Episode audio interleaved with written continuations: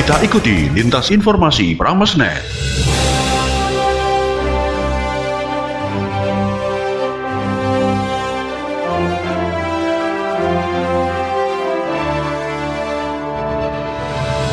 Selamat pagi, kita jumpa kembali dengan Lintas Informasi Pramesnet edisi Selasa 13 Juli 2021. Siaran ini diikuti oleh 103,9 FM Pramesora Lamongan, 104,5 FM Bahana Ngawi, 90,6 FM Rasi Magetan, dan 97,8 FM Radio Ronggo Hadi Lamongan. Baik sobat, kami awali informasi dari Ngawi. Jangan sepelekan, 208 nakes Ngawi terpapar COVID-19 dan tiga orang meninggal. Selengkapnya kami sudah terhubung dengan reporter Radio Bahana Ngawi, Ardian. Ya, terima kasih dari Ngawi, Ardian melaporkan. Sobat, ratusan tenaga kesehatan di Kabupaten Ngawi, Jawa Timur terpapar COVID-19 dengan data dari Dinas Kesehatan. Terdapat 208 nakes terkonfirmasi positif sepanjang pandemi ini dan tiga orang di antaranya telah meninggal dunia. Seperti yang diungkapkan oleh Yudono, Kepala Dinas Kesehatan Kabupaten Ngawi, korban meninggal ada tiga nakes dan sebanyak 89 masih positif. 68 di antaranya tidak tergejala atau OTG. 17 orang di antaranya gejalanya sedang dan 4 dengan gejala berat. Sobat, ratusan nakes yang terpapar dari berbagai posisi tugas mulai dari tenaga administrasi, tenaga laborat, perawat, bidan sampai hingga dokter. Penderita dengan gejala sedang dan berat semestinya semestinya dirawat di rumah sakit. Namun dikarenakan sulit mendapatkan ruang, mereka pun isolasi mandiri. Sobat, Yudono minta agar COVID-19 tidak disepelekan. Masyarakat diharapkan bisa bekerja sama patuh PPKM, dan tidak abai protokol kesehatan agar tidak menambah jumlah pasien COVID-19. Sobat, harapan ini tampaknya masih bertepuk sebelah tangan. Pasien COVID-19 menambah resiko nakes untuk terpapar masih cukup besar. Sampai 12 Juli 2021, sedikitnya 4.308 orang terkonfirmasi positif, 3.355 sudah sembuh, 409 korban meninggal dunia, 144 pasien masih aktif.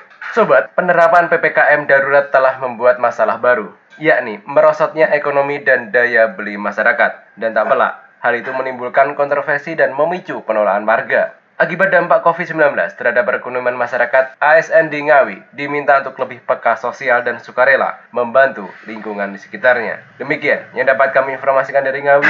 Kita kembali ke studio, silahkan. Ardian, reporter dari Radio Bahana Ngawi. Berikutnya kami menuju Magetan. Tahun ajaran baru SMPN 2 Magetan lakukan pengenalan lingkungan sekolah secara daring. Selengkapnya kami sudah terhubung dengan reporter Radio Rasi Magetan, Adimas. Baik, terima kasih Sobat. Memasuki tahun ajaran baru 2021-2022, Sekolah Menengah Pertama SMP Negeri 2 Magetan melakukan pengenalan lingkungan sekolah atau MPLS dengan cara daring. Kepala Sekolah SMPN 2 Magetan Sikit Triyono mengatakan kegiatan MPLS dilaksanakan secara daring karena kondisi pembelajaran tahun baru 2021-2022 berada dalam pemberlakuan PPKM darurat.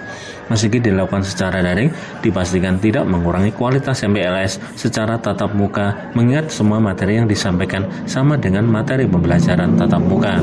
Kegiatan MPLS akan dilaksanakan dari tanggal 12 hingga 14 Juli 2021 dan diikuti hampir 100% siswa SMPN Negeri 2 Magetan. Mengenalkan MPLS itu dengan daring, tadi sudah melalui Zoom tadi yang kita laksanakan begitu hari pertama ini.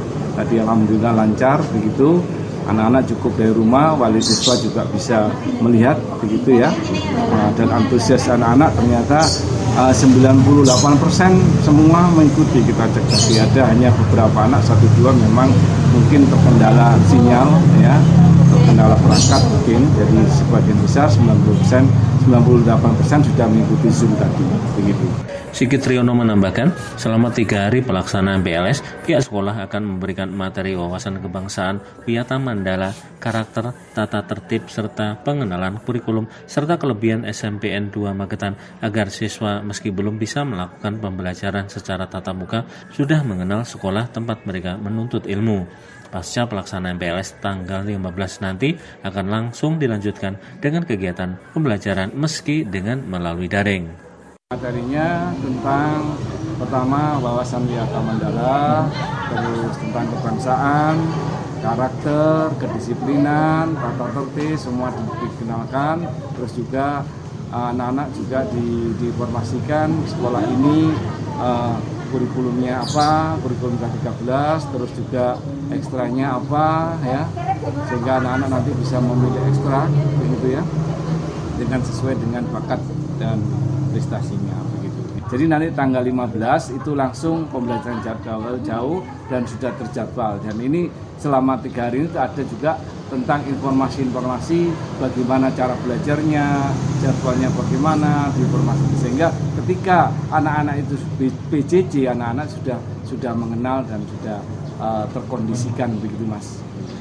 SMPN Negeri 2 Magetan tahun ajaran 2021-2022 menerima 173 siswa yang dibagi dalam 6 ruang kelas dengan kapasitas 22 siswa per kelas hingga 32 siswa per kelas.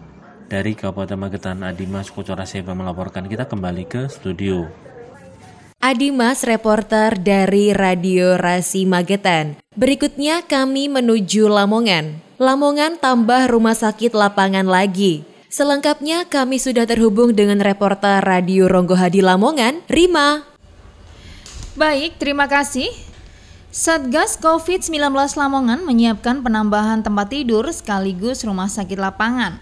Perlunya penambahan tempat tidur tersebut berdasarkan rapat evaluasi pelaksana pemberlakuan pembatasan kegiatan masyarakat atau PPKM darurat. Rumah sakit lapangan yang sudah ada di Puskesmas Mantup, Puskesmas Kebang Bau, Puskesmas Karangkembang dan Puskesmas Paciran, dan tambahan rumah sakit lapangan di Karanggeneng, Brondong, Karangbinangun. Sementara itu, Sekretaris Satgas COVID-19 Kabupaten Lamongan, Muhammad Nalikan, menyatakan rumah sakit lapangan untuk mengcover pasien COVID-19 dengan gejala ringan dan sedang, sedangkan gejala berat akan dirawat di RS rujukan COVID-19. Pihaknya juga merencanakan peningkatan vaksinasi, baik yang dilakukan oleh Puskesmas, TNI, dan Polri. Seperti diinformasikan, tingkat mobilitas masyarakat diklaim turun 30% selama PPKM darurat. Meskipun berkurang, perlu dilakukan pengawasan secara kontinu. Warga diminta tetap tinggal di rumah bila tidak ada keperluan yang mendesak.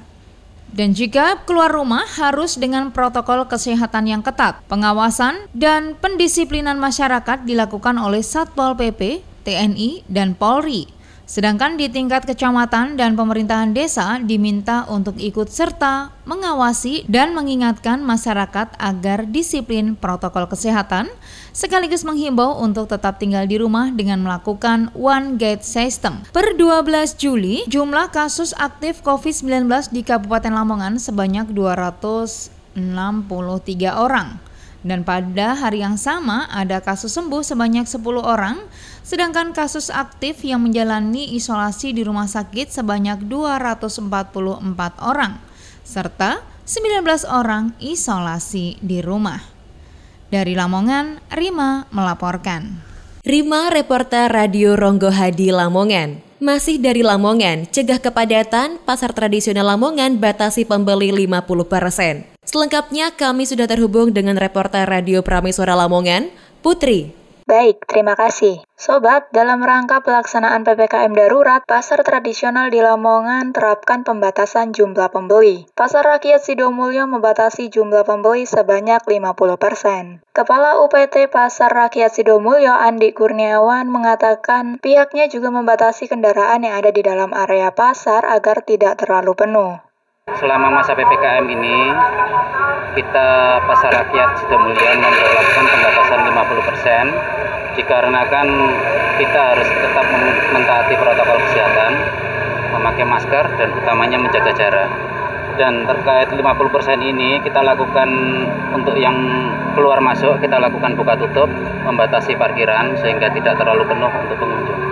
Dikarenakan jam operasional kita ajukan mulai jam 12 dan kita tetap mengikuti aturan untuk tutup jam 8 malam sehingga untuk pengunjung terlalu padat jika kita kalau tidak kita batasi.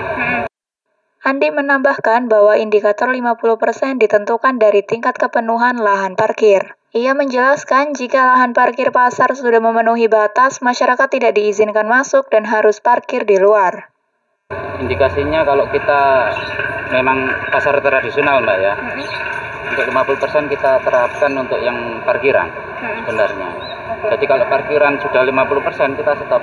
Kayak ini kan sudah kita tutup untuk pintu barat, pintu timur juga kita tutup, khusus untuk pedagang yang bongkar muat saja yang boleh masuk.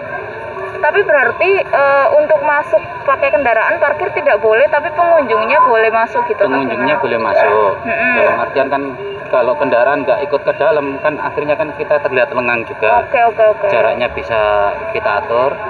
Kalau kendaraan juga ikut masuk semua, akhirnya pasti berdesak-desakan.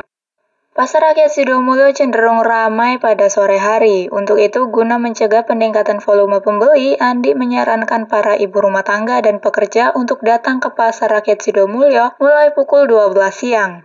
Dari Lamongan, Putri melaporkan kembali ke studio. Putri reporter Radio Prameswara Lamongan. Demikian tadi baru saja Anda ikuti lintas informasi Pramesnet. Siaran ini dapat Anda simak setiap Senin sampai Jumat pukul 10 dan 16 waktu Indonesia Barat. Saya Smita bersama redaksi yang bertugas mengucapkan selamat pagi dan sampai jumpa. Demikian tadi telah Anda ikuti lintas informasi Pramesnet.